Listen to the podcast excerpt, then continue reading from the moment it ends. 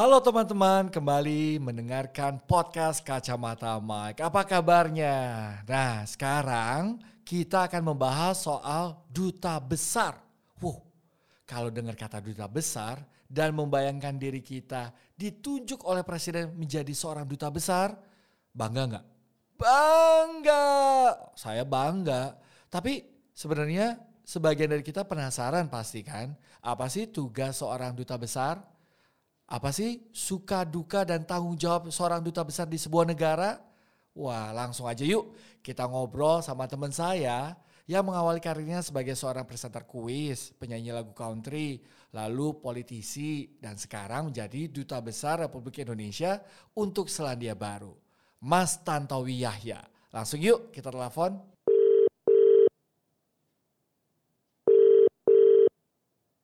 Halo. Halo, wow Mas Tantowi Yahya apa kabar Mas? Baik Mike, bagaimana, bagaimana kabar Indonesia? Baik so far, kalau di New Zealand gimana Mas kabarnya? Kita lagi uh, memasuki musim panas, jadi udaranya bagus banget hmm. dan Wellington semakin indah, Selandia Baru semakin indah. Wah, sangat-sangat bisa dibayangkan ya dalam imajinasi saya keindahan dari Wellington ini.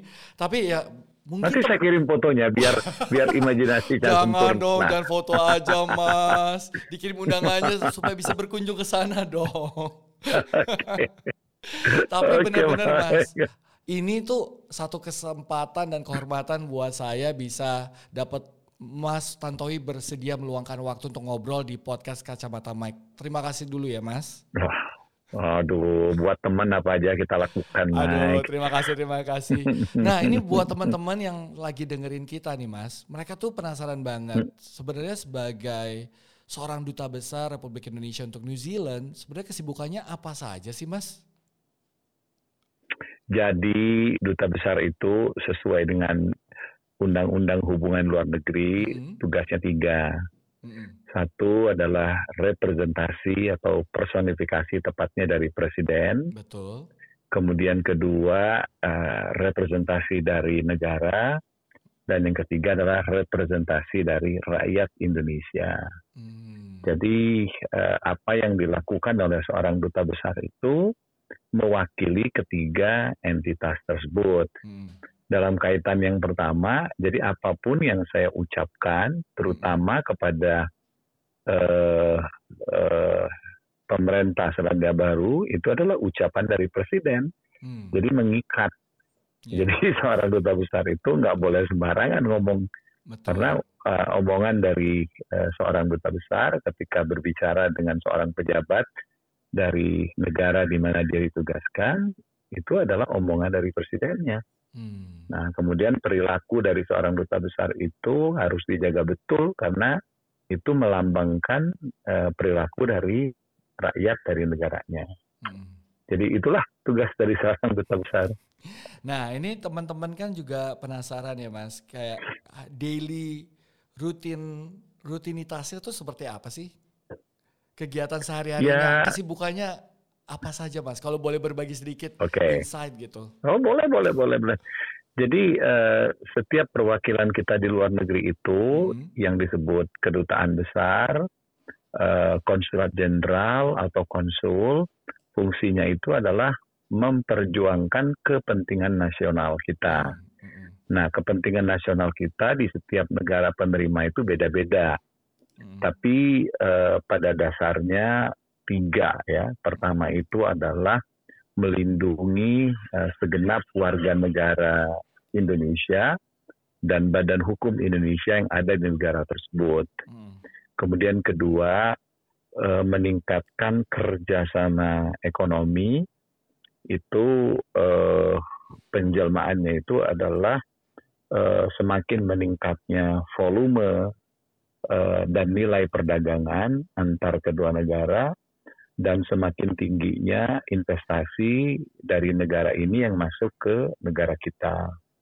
Kemudian kerja yang ketiga itu kepentingan nasional kita itu adalah kepentingan uh, politik misalnya ya, yeah. ya, menjaga kedaulatan RI, kemudian menjaga ke, ikut serta dalam uh, menjaga keamanan uh, dunia. Hmm. Jadi uh, pada dasarnya itu uh, perwakilan kita di luar negeri itu terikat pada politik luar negeri kita. Betul. Nah, politik luar negeri kita itu sesungguhnya adalah penjelmaan dari politik dalam negeri kita. Hmm. Jadi uh, apa yang dilakukan oleh seorang duta besar berikut segenap diplomatnya itu adalah merealisasikan politik dalam negeri kita, tapi hmm. di negara di mana kita ditugaskan. Okay. Begitu, Mike. Oke. Okay. Jadi ada... kerjanya itu hmm. uh, kerjanya itu ya Senin sampai Jumat kantor, ya. Oh, okay. Nah, terus uh, Sabtu Minggu itu disibukkan dengan pekerjaan-pekerjaan lain, misalnya diplomasi budaya, diplomasi kuliner, hmm. uh, kemudian uh, mengunjungi warga. Hmm Eh, kemudian kumpul-kumpul dengan warga dalam konteks menjaga silaturahmi dan lain sebagainya. Wah, nggak ada liburnya ya, Mas? Ya, pintar-pintar kita aja. Mau libur dari Senin sampai Senin lagi juga bisa. Tapi yang yang jelas padat gitu ya jadwalnya ya. Iya, iya, iya. Mm -mm. Nah, Mas kalau tadi kan kurang lebih menjaga politik luar negeri ya uh, gimana apa yang menjadi pemikiran uh, khususnya di Indonesia juga bisa ditransformasikan oleh perwakilan-perwakilan yaitu duta besar di masing-masing negara. Nah, hmm. memang ada tantangannya nggak sih Mas ketika kalau sekarang Mas di duta besar Republik Indonesia untuk Selandia Baru dibandingkan dengan negara-negara lainnya atau justru sebaliknya di negara-negara tertentu mungkin tantangannya lebih berat dibandingkan uh, jadi duta besar uh, Republik Jadi gini, uh, berat berat atau tidak uh. berat berat atau tidaknya itu tergantung dari kepentingan negara kita di negara tersebut. Hmm. Jadi pada dasarnya tugas dari uh, perwakilan yang dipimpin oleh duta besar itu itu tidak akan lari dari hmm. tiga hal tersebut. Hmm. Jadi pertama itu adalah uh, melindungi uh, segenap warga negara Indonesia dan yes. badan usaha Indonesia. Kemudian kedua uh, meningkatkan kerjasama ekonomi dan yang ketiga adalah uh, meningkatkan kerjasama uh, politik. Nah, uh, setiap uh, negara itu kepentingan nasional kita beda-beda. Misalnya begini, misalnya di negara di mana banyak sekali uh, pekerja migran Indonesia yang dulu namanya tenaga kerja uh, TKW, ya. Hmm Nah, eh, misalnya itu di Arab Saudi, di Malaysia, di Hong Kong, gitu ya. Uh, tugas utama dari uh, perwakilan kita itu adalah uh, melindungi dan menjaga uh, segenap warga negara kita yang ada di sana. Jadi dipastikan bahwa hak-hak mereka itu uh, diperhatikan, gitu ya. Terus jangan sampai terjadi uh, apa namanya itu penganiayaan, ya Hmm. Nah, itulah tugas dari negara yang diwakili oleh pemerintah dalam hal ini perwakilan. Kemudian ada satu lagi, uh, ada juga beberapa negara di mana kepentingan kita itu adalah ekonomi, yeah. meningkatkan kerjasama ekonomi, misalnya dengan Korea, dengan Jepang, hmm. ya, dengan uh, Amerika, ya, Australia dan lain sebagainya. Hmm. Nah, kemudian uh, uh, kepentingan politik. Ada juga beberapa negara di mana kepentingan kita itu lebih banyak uh, uh, kepentingan uh, politiknya dalam hal menjaga kedaulatan uh, NKRI. Nah, dalam hal ini itulah KBRI Wellington. Jadi kita di sini itu bukannya uh, kerjasama ekonominya kecil, ya. Uh, kemudian uh, bukan karena warga negara kita di sini uh, tidak sebesar di di Cina ya di Arab ataupun di Malaysia. Tapi uh, uh, itu penting juga ya. Tapi ke keberadaan kita di sini lebih kepada menjaga keutuhan NKRI uh, dalam konteks bahwa uh, di Pasifik ini Selandia Baru itu kan di Pasifik ya. Hmm. jadi uh, di sini uh, uh, dinamika politiknya itu tinggi terutama terkait uh, gerakan uh, uh, Papua Merdeka hmm. gitu. Nah, jadi uh, tugas kita di sini ini adalah uh, uh, memastikan bahwa dukungan dari Selandia Baru dan negara-negara Pasifik yang ada di kawasan ini terhadap uh, uh, kedaulatan Indonesia itu tetap terjaga. Okay. Jadi uh, kepentingan kita itu beda-beda uh, di setiap negara. Oleh karena itu tingkat kesulitannya juga berbeda-beda. Oke, okay. wow. Oke, nah Mas kalau tadi kita udah dengar ya kurang lebih uh, bagaimana aktivitas Mas Tantowi sehari-hari gitu ya di uh, sebagai duta besar Republik Indonesia untuk uh, Selandia Baru. Uh, ketika pertama diumumkan jadi duta besar oleh Presiden ditunjuk begitu ya, itu bisa ceritain sedikit nggak sih Mas uh, behind the scene-nya seorang Tantowi itu seneng banget keluarga gimana responnya atau Mas Tantowi sendiri merasa gimana justru aduh semakin tambah beban, tanggung jawab begitu besar atau seperti apa? Jujur begini Mike, ya, jadi saya itu memang suka sekali dengan isu-isu luar negeri, uh -huh. uh, suka sekali dengan politik luar negeri. Yeah. Oleh karenanya uh, saya kan dua periode di DPR kan ya. Betul. Uh, 2009-2014, hmm. kemudian 2014-2019. Saya selalu minta duduk itu di Komisi Satu, jadi hmm. Komisi Luar Negeri. Betul Nah itu itu karena itu tadi karena itu pilih walaupun saya orang seni ya pasti hmm. orang mengira pasti pasti saya mau duduk di komisi 10 gitu ya komisi kebudayaan gitu kan ya iya ya, ya, tapi begitu, ya, ya saya suka ya. ya saya suka naik ya orang orang saya orang seni gitu loh ya hmm. Tapi uh, kecintaan saya terhadap isu-isu luar negeri politik luar negeri gitu itu lebih tinggi daripada uh, uh, apa namanya itu interest saya di bidang uh, kebudayaan gitu ya Nah, oleh karenanya seperti yang saya sampaikan di awal tadi, hmm. dua periode saya duduk di Komisi Satu. Hmm. Nah, uh, jadi kalau Mike tanya, ada nggak cita-cita atau keinginan untuk menjadi seorang uh, diplomat? Ya ada, Mike. Hmm. Ada. Cuman saya tidak menyangka bahwa itu tibanya itu uh, lebih cepat daripada perkiraan saya. Wow. Saya tadi, saya tadinya itu berpikir saya ingin menjadi duta besar gitu kalau diterima gitu ya di ujung uh, periode kedua saya yaitu uh, akhir 2019. Hmm. Tapi ternyata kesempatan itu datang lebih cepat. Jadi datangnya tahun 2017 ketika partai saya uh, mengajukan diri saya kepada presiden untuk dipertimbangkan menjadi uh, duta besar dan uh, presiden uh, menyetujui itu hmm. dan proses selanjutnya ya itu menggelinding begitu cepat ya. Okay. Nah, eh, keluarga saya juga mendukung. Hmm. Eh, jadi eh, bahwa saya akan ditempatkan di luar negeri, kebenaran anak saya masih kecil, yeah. ya didukung oleh uh, istri saya. Jadi uh, uh, tidak ada halangan lah ya. Mm -mm. Jadi uh, ini adalah perpaduan antara passion ya, mm -mm. uh, kecintaan dengan kesempatan. Okay. Insya Allah sukses selama ini. Oh iyalah kita selalu bantu hmm. dalam doa dari Indonesia untuk Mas Tanto Yahya ya. Nah, Mas Tanto uh, ini kan kita lagi uh, di podcast kacamata Mike ini biasa kita melihat dari perspektif yang berbeda ya. Uh, makanya kita pengen ajak anak-anak hmm. muda untuk melihat uh, bagaimana seseorang jika ditunjuk oleh presiden menjadi duta besar di sejumlah negara termasuk Mas Tantowi. Mm. Nah, mm. kita pengen tahu kira-kira kalau ada anak-anak uh, muda saat ini yang mendengar podcast ini gitu ya sebenarnya modal apa sih yang dibutuhkan untuk nantinya mereka bisa menjadi seorang duta besar? Sesungguhnya hmm, zaman sekarang ini hmm. siapa aja bisa menjadi duta besar. Yang penting ditunjuk oleh presiden. Hmm. Ya, uh, karena itu tadi uh, salah satu tugas dari duta besar itu adalah mempersonifikasikan, ya, mewakili presiden di negara penerima. Hmm.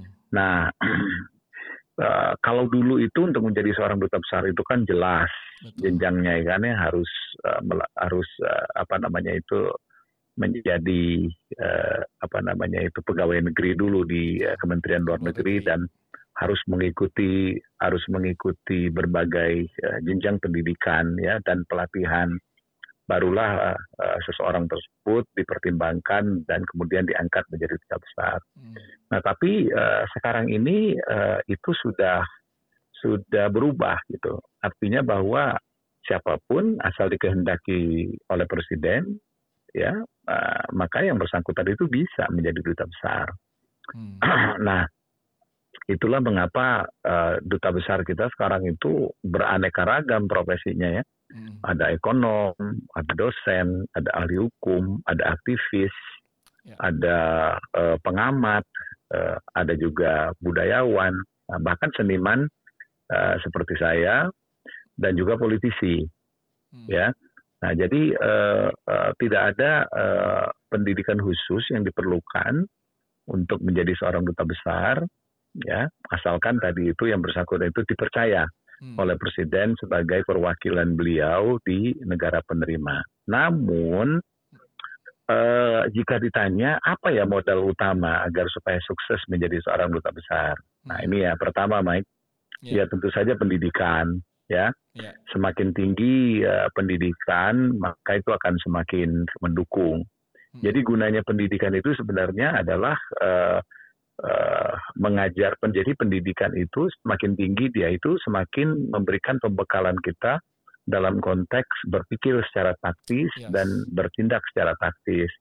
Pasti ada bedanya, pasti bedanya lah, eh, pasti ada bedanya kan ya yeah. antara orang-orang yang pendidikannya uh, segini dengan orang yang pendidikannya jauh lebih tinggi. Pasti manifestasinya itu adalah cara dia berbicara, cara dia bertindak dan cara dia berpikir. Uh, bidang apa saja itu? Ya apa aja, hmm. mau hukum, mau uh, hubungan internasional, uh, apa namanya itu bisnis, ya bisa saja ya gitu loh. Hmm. Itu yang pertama. Yeah. Yang kedua akan sangat menguntungkan apabila yang bersangkutan itu mempunyai pengalaman berorganisasi dan mempunyai uh, pemahaman politik ya yeah. ya yang uh, cukup gitu uh, itu akan sangat uh, akan sangat membantu gitu makanya saya lihat uh, saya saya rasakan gitu modal saya uh, hampir 10 tahun di DPR itu sebagai seorang politisi dan wakil rakyat itu sangat membantu tugas-tugas saya sebagai uh, seorang uh, duta besar. Hmm. Nah, yang ketiga ya harus mempunyai kecakapan dalam berkomunikasi. Yeah. Karena diplomat itu esensi pekerjaannya adalah berbicara, berkomunikasi, meyakinkan orang. Yeah. Apalagi kalau misalnya menguasai lebih dari satu bahasa. Hmm. Jadi bahasa utama itu harus Inggris. Nah, kalau misalnya menguasai bahasa lain itu akan sangat uh, menguntungkan. Serta tiga hal itu ya yang uh, menjadi persyaratan utama apabila ada teman-teman yang mendengarkan podcast kita ini yang juga berminat untuk hmm. menjadi seorang duta besar. Oke, menarik tuh. Nah, Mas, uh, semoga ini teman-teman juga tambah semangat gitu ya untuk siapa tahu juga ada mimpi uh, dari mereka yang pengen hmm. suatu ketika menjadi diplomat atau duta besar. Oh, gitu, kenapa Mas. tidak? Ya. Saya juga nggak pernah berpikir kok. Ya kan, kesempatan tuh pasti ada aja ya, ada jalannya lah ya Mas ya. Ada jalannya. Hidup ini begini, Mike, kalau saya boleh share. Boleh dong. Hidup ini harus punya mimpi. Yes. Ya, karena mimpi itu apabila kita pelihara, itu akan menjadi pendorong kita. Jadi alam bawah sadar kita itu bekerja membawa ke satu titik yang kita impikan. Hmm. Nah, jadi kalau misalnya kita tidak punya mimpi, ya tidak ada dorongan. Betul. Kita mau ke mana? Ya, ya kan begitu. Betul, betul. Jadi ibarat kita pagi-pagi keluar rumah mandi, kita tahu mau ke mana. Maka langkah, energi, pikiran kita tuh akan mendorong kita sampai ke titik itu dalam waktu yang cepat. Hmm. Nah, tapi sebaliknya kalau kita uh, bangun pagi, mandi, terus keluar rumah, nggak tahu mau ke mana, ya kan nggak jelas jalannya. Betul betul. Jadi iya. kayak seba, semacam kayak bensin begitu ya mas ya, untuk kita bisa uh, meraih semua impian kita. Ya, ya benar, benar. Kurang lebih. Nah, Mas sebagai hmm. uh, masih berkecimpung di dunia seni, pekerja seni, ada nggak sih hal eh, hal-hal yang bisa dikolaborasikan dengan tugas Mas sebagai duta besar Republik Indonesia untuk New Zealand? Bagus sekali pertanyaannya, Michael. Jadi di samping di samping tiga hal yang saya sebut tadi, apabila kita uh, uh, mempunyai ketertarikan di bidang seni, apalagi kalau pelakunya gitu ya, mm-hmm. itu akan menjadi uh, modal yang sangat berharga uh, bagi kita sebagai seorang duta besar. Mm-hmm. Ya, uh, sekarang ini yang namanya diplomasi itu kan macam-macam, ya. Ada diplomasi uh, lewat ekonomi, ada diplomasi lewat uh, kemanusiaan. Nah, ada juga diplomasi lewat kebudayaan. Gitu. Hmm. Nah, diplomasi lewat kebudayaan ini sekarang ini itu ini bukan sekarang. Ini disebut sebagai soft power diplomasi. Hmm. Jadi uh, kekuatan dari budaya itu itu luar biasa. Jadi diplomasi budaya itu diplomasi rasa. diplomasi dari mata, dari telinga, dari lidah yang turun ke hati dan biasanya dalam banget itu ya. Jadi kalau uh, apa namanya itu misalnya kebudayaan ya, itu kan uh, sesuatu yang kita lihat, uh, sesuatu yang kita dengar kan, seperti lagu, musik. Kalau tari-tarian, film itu kan sesuatu yang kita lihat, yeah. kan gitu. Nah kemudian sesuatu yang kita rasa tuh misalnya kulineri itu adalah cabang-cabang dari uh, diplomasi budaya yang orang kalau udah suka gitu ya, mm-hmm. maka akan masuk ke hati dia. Nah kalau sudah ber, ber, bersemayam di hati bahaya itu, itu akan menimbulkan uh, ketertarikan, yes. kemudian rasa cinta. Kita lihat saja contoh ya. Mm. India itu kan sukses banget dengan film-filmnya itu. Ya, Bollywood ya. ya uh, Bollywood. Jadi satu film drama yang dikombinasikan dengan uh, lagu dan musik dan tari. Berapa uh, ratus juta coba manusia di dunia ini yang tersihir oleh kebudayaan India tersebut. Yeah. Ya akibatnya apa coba? Ya menimbulkan rasa cinta, ya, mm-hmm. ya, kemudian uh, menimbulkan keinginan untuk datang ke India, ya, untuk belajar, dan yang paling penting itu adalah menimbulkan rasa simpati, hmm. ya, kesukaan terhadap satu negara yang namanya India. Yes. Dihasilkan oleh apa? Dari film. Hmm. Nah, kemudian kita lihat Amerika. Amerika itu kan biangnya hiburan kan ya, dari musik, film sampai makanan. Bagaimana anak-anak kita coba tersihir dengan makanan-makanan fast food seperti KFC, McDonald, Pizza Hut yeah. gitu. Itu kan bukan makanan kita. Tapi makanan itu begitu menghujam di, di generasi muda kita khususnya, hmm. yang membuat mereka itu dekat dengan kultur Amerika. Yeah. Ya, nah kemudian uh, Korea lewat dramanya, hmm. ya kan? Jepang kemudian lewat uh, J-popnya beberapa hmm. waktu yang lalu. Nah itulah kedahsyatan dari uh, diplomasi budaya. Yeah.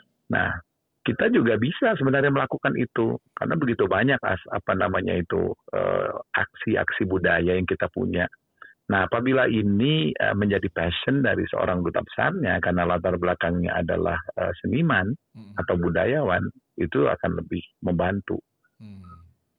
Nah, Mas uh, betul banget. Nah, kalau dari Indonesia sendiri, adakah budaya yang sudah diperkenalkan buat khususnya masyarakat di New Zealand? Oh ya banyak. Nah, boleh dong cerita dong mas. Sambil, Pasti. Sambil karena, contoh. Ya.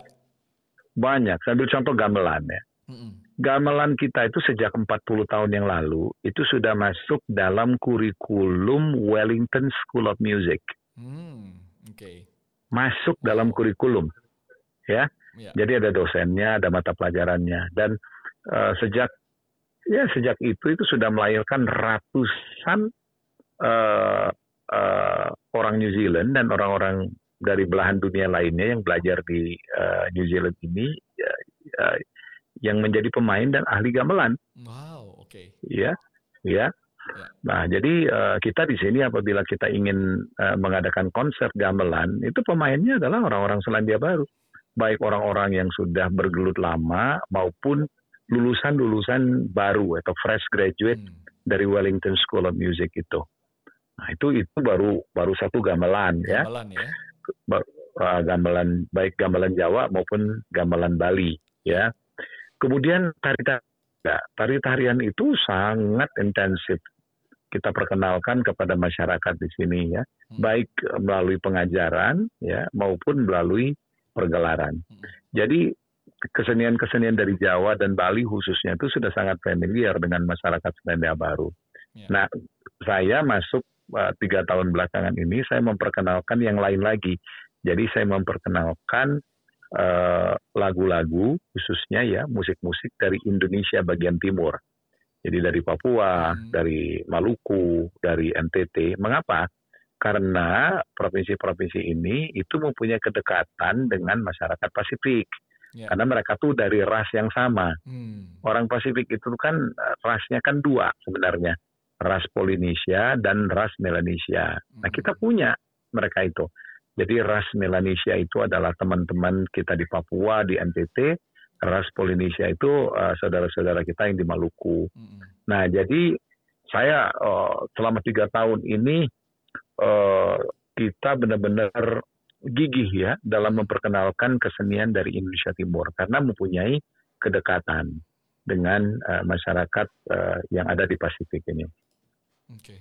wow. Uh, dari tiga tahun itu boleh diceritain nggak Mas? Ini kan uh, banyak begitu banyak pencapaian. Kalau kita ngikutin track recordnya dari seorang Tantowi Yahya, banyak sekali pencapaian yang saya rasa dirasakan oleh pemerintah New Zealand maupun pemerintah Indonesia apalagi ya.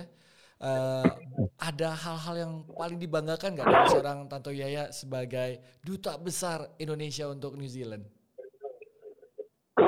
waduh saya nggak bisa berbusung dada seperti itu Mike. Jadi yang sebut dikit lah uh, yang apa-apa lah. yang yang menilai kerjaan saya tentu adalah tentu adalah uh, masyarakat. Oh.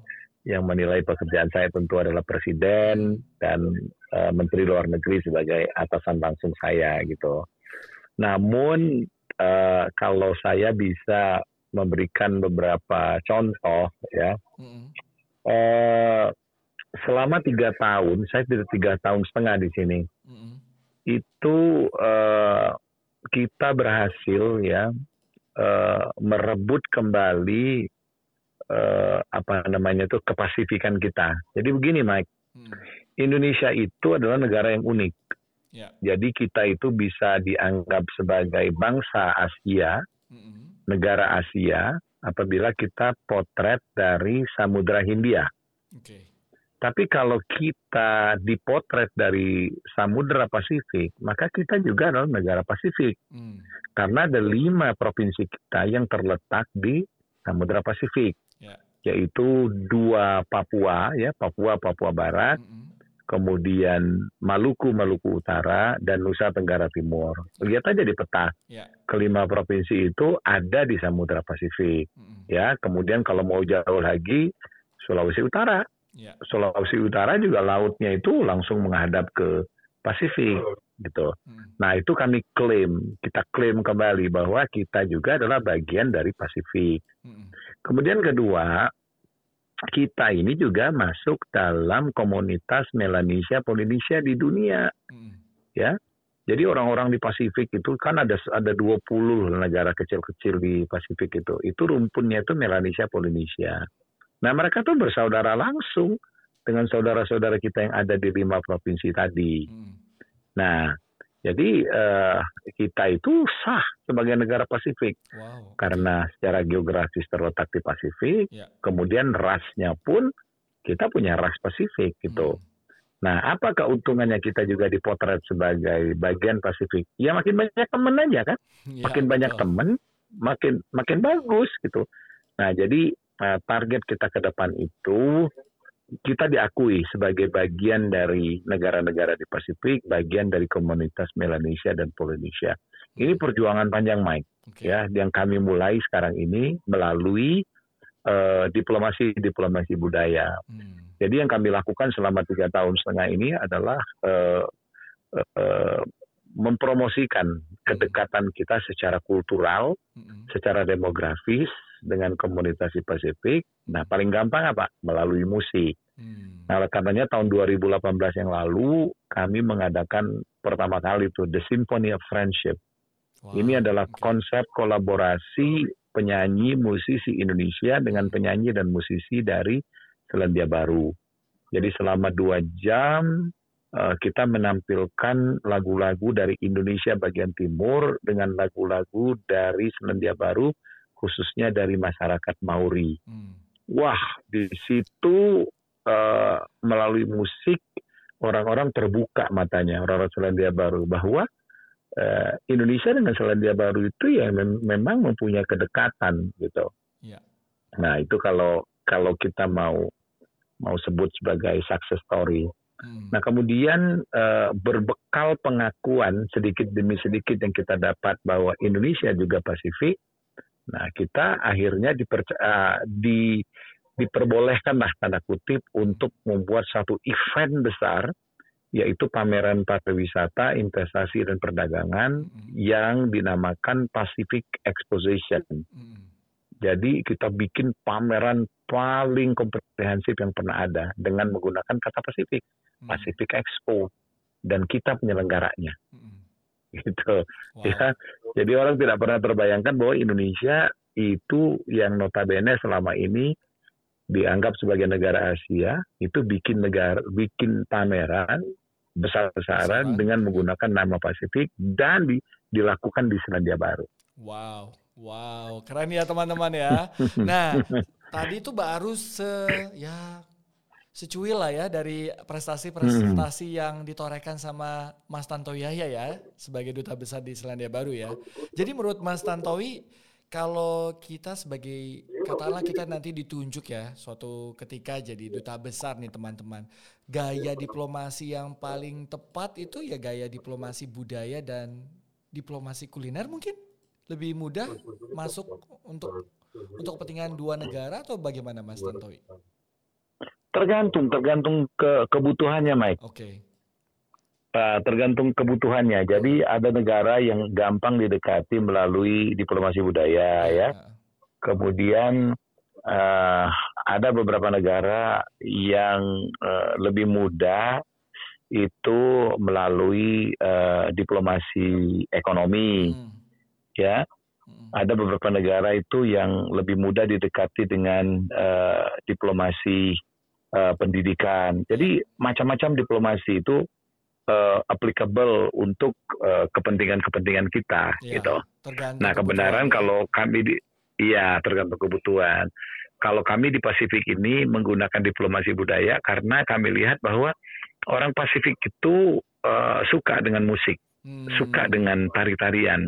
Jadi lebih mudah menyentuh mereka uh, dengan menggunakan itu. Karena Uh, diplomasi itu kan komunikasi. Komunikasi itu kan sukses apabila frekuensinya disamakan dulu. Betul, betul. Ya. Nah, gimana kita mencari uh, persamaan frekuensi itu? Nah, itu bisa kita pelajari gitu betul. loh. Jadi buat teman-teman jangan males riset begitu ya Mas. Ya kan segala sesuatu iya. tuh taunya ya lewat riset, tahu uh, bagi apa yang mereka sukai dan bagaimana kita melakukan pendekatan yang tepat. Mas, tapi kalau bicara soal kuliner apakah itu juga bisa jadi satu gaya diplomasi? Oh iya dong, iya dong, banget. Justru uh, kuliner kuliner itu adalah uh, uh, instrumen diplomasi yang sangat powerful juga. Hmm. Kita lihat aja Cina. Ya. Ya kan? Ya. Begitu banyak orang yang jatuh cinta dengan uh, Cina hmm. ya karena terlebih dahulu menyukai makanannya. Betul. ya. Uh, ya dan Cina ini menginvasi dunia salah satunya itu adalah lewat makanannya. Hmm. Nah, belakangan itu kan Korea, Jepang, Betul. Thailand kalau kita. Betul. Thailand itu, waduh, Thailand itu kulinernya itu uh, uh, telah menjelma menjadi salah satu alat diplomasi yang sangat uh, sangat powerful ya. Betul. Iya kuat. Hmm apalagi kuah asam manis uh, asam pedasnya ya mas ya. Saya sampai kebayang sekarang. Walaupun kita lewat podcast tapi terbayang. Tapi uh, ngobrolin soal kuliner mas kira-kira ada nggak sih uh, di masyarakat New Zealand atau Selandia Baru yang suka dengan satu atau dua makanan khas Indonesia gitu? Oh iya. Apa kira-kira mas Indomie. Mie instan maksudnya. Instan. Wah, orang orang orang New Zealand dan orang Pasifik itu tergila-gila dengan pop mie ya. Iya iya iya. Aduh, itu dah itu mereka pak makan itu pagi siang malam tuh ya. Oh iya. Ya. Beneran nih Mas. Iya. Serius, serius. Oh serius. Mereka. Oh iya serius. Itu itu wah itu udah luar biasa. Hmm. Nah anyway kalau makanan serius yang uh, populer ya di Selandia Baru ini ya uh, mie goreng, hmm. ya nasi goreng hmm. gitu ya. Kemudian uh, uh, sate itu hmm. beransur-ansur uh, pelan-pelan naik gitu ya. Hmm. Nah, cuman masalahnya itu mie goreng nasi goreng itu juga kan uh, juga dijual di restoran Malaysia kan gitu. Okay. Di, yeah. di, di, dan di restoran Malaysia juga disebutnya nasi goreng mie goreng gitu. Yeah. Jadi ini menjadi satu perjuangan juga bagi kita gitu loh Betul. untuk mengasosiasikan kedua makanan itu sebagai makanan Indonesia. Betul. Betul betul itu itu uh, tantangan yang dihadapi sekarang ya mas tidak hanya itu tapi rendang hmm. juga kayaknya juga harus kita tegaskan itu uh, harus rendang itu diasosiasikan bahwa itu makanan Indonesia gitu ya Mas ya. Indonesia betul Mike. Nah Mas ini kalau selama tiga setengah tahun sebagai duta besar di sana kangen nggak sama masakan Indonesia? Ayo jujur. Sa enggak juga ya karena apa? Saya kan bawa juru masak dari Indonesia. Wah. itu ya, jawaban yang tepat. ya, ya, iya, ya. jadi di, di, diminta masak apa aja dia bisa. Wow. Jadi makanan favorit Mas Tantowi apa selama di sana yang mengingatkan soal Indonesia? Banyak ya, kita tuh di sini tuh biasa banget makan ya. tongseng. Oh tongseng bisa. Tongseng mas, kambing bisa. ya. Luar biasa nih juru oh, masaknya bisa. ya. Oh iya, tongseng kambing, kemudian uh, sayur asam. Uh ya kemudian makanan-makanan Palembang juga dia bisa selain Wah, pempek lo ya. Iya, iya, iya. Hmm, Taekwondo hmm, bisa ya mas ya? Oh semua yang bisa, semuanya bisa. bisa. Jadi nggak nggak ada kata lain kangen masakan Indonesia nggak ada ya, karena semuanya bisa terprovide di sana. Saya kalau pulang ke Jakarta itu nyari makanan yang di Selandia Baru nggak ada gitu loh, oh. uh, nggak ada dan dan tukang masak saya nggak bisa bikin. Misalnya apa? Bakmi GM. Kemudian sate sate sate house Senayan ya, ya, ya, itu ya. yang nggak ada tuh. Ya. yang hmm. hanya ada di Indonesia itu mas semuanya. Aja Indonesia bakso bakso tembak nah. itu kan nggak ada tuh. Oke, wah Mas, eh ini untuk menutup Mas, gak kerasa kita udah ngobrol-ngobrol kurang lebih uh, lebih dari 30 menit, tapi uh, boleh nggak uh, Mas Tantowi uh, bantu untuk memberikan kayak uh, tips uh, buat teman-teman yang mendengarkan podcast Kacamata Mat ini, mungkin tips yang membantu mereka untuk bisa meraih impian mereka khususnya sebagai duta besar atau diplomat. Boleh ya? Oke, jadi gini buat teman-teman sekarang ini profesi apa pun itu bagus. Profesi apa pun bisa bikin kita sukses, bahkan bisa bikin kita kaya asal kita melakukannya dengan serius, ya. terus belajar, terus menambah modal-modal dalam rangka menciptakan comparative advantages mm. atau keunggulan komparatif yang tidak dimiliki oleh pesaing-pesaing kita. Kuncinya adalah do what you love and love what you do. Wow. Insya Allah kita akan sukses. Yang saya lakukan selama ini sejak saya mulai kerja itu adalah itu. I just do what I love and I love what I do. Yeah. Wow. Powerful sekali. I think it, Mas Tantowi. yeah. Jadi apa apa pun itu Mike, if yeah. you love singing, yeah. do it. Yeah. Ya. Yeah? Ya. Yeah? Tapi you have to do it with love. Yes. Jangan setengah-setengah. Betul. Wow, saya sampai terpukau dengan ucapan pendek tapi powerful. Saya akan ingat itu terus, Mas. Thank you ya, Mas Tantowi buat waktunya. Oke, okay, Michael. Terima, Terima kasih, kasih juga buat kesempatannya. Iya. Sukses buat Michael dan sukses, sukses buat semuanya. Iya, terima kasih, Mas. Sukses buat Mas dan salam buat keluarga ya, Mas. Bye. Oke, okay, bye. Nah, tuh teman-teman denger ya, do what you love, love what you do. Wah, itu pesan yang sangat menggema sekarang nih di pikiran gue dan gue juga harapkan menggema di pikiran lu-lu semua ya. So, uh, semangat terus untuk berkarya dan jadikan uh, semua tips dari Mas Tanto Yaya ini menjadi motivasi lu untuk berkarya lebih baik lagi. So, ketemu lagi minggu depan di podcast Kacamata Mike. Bye!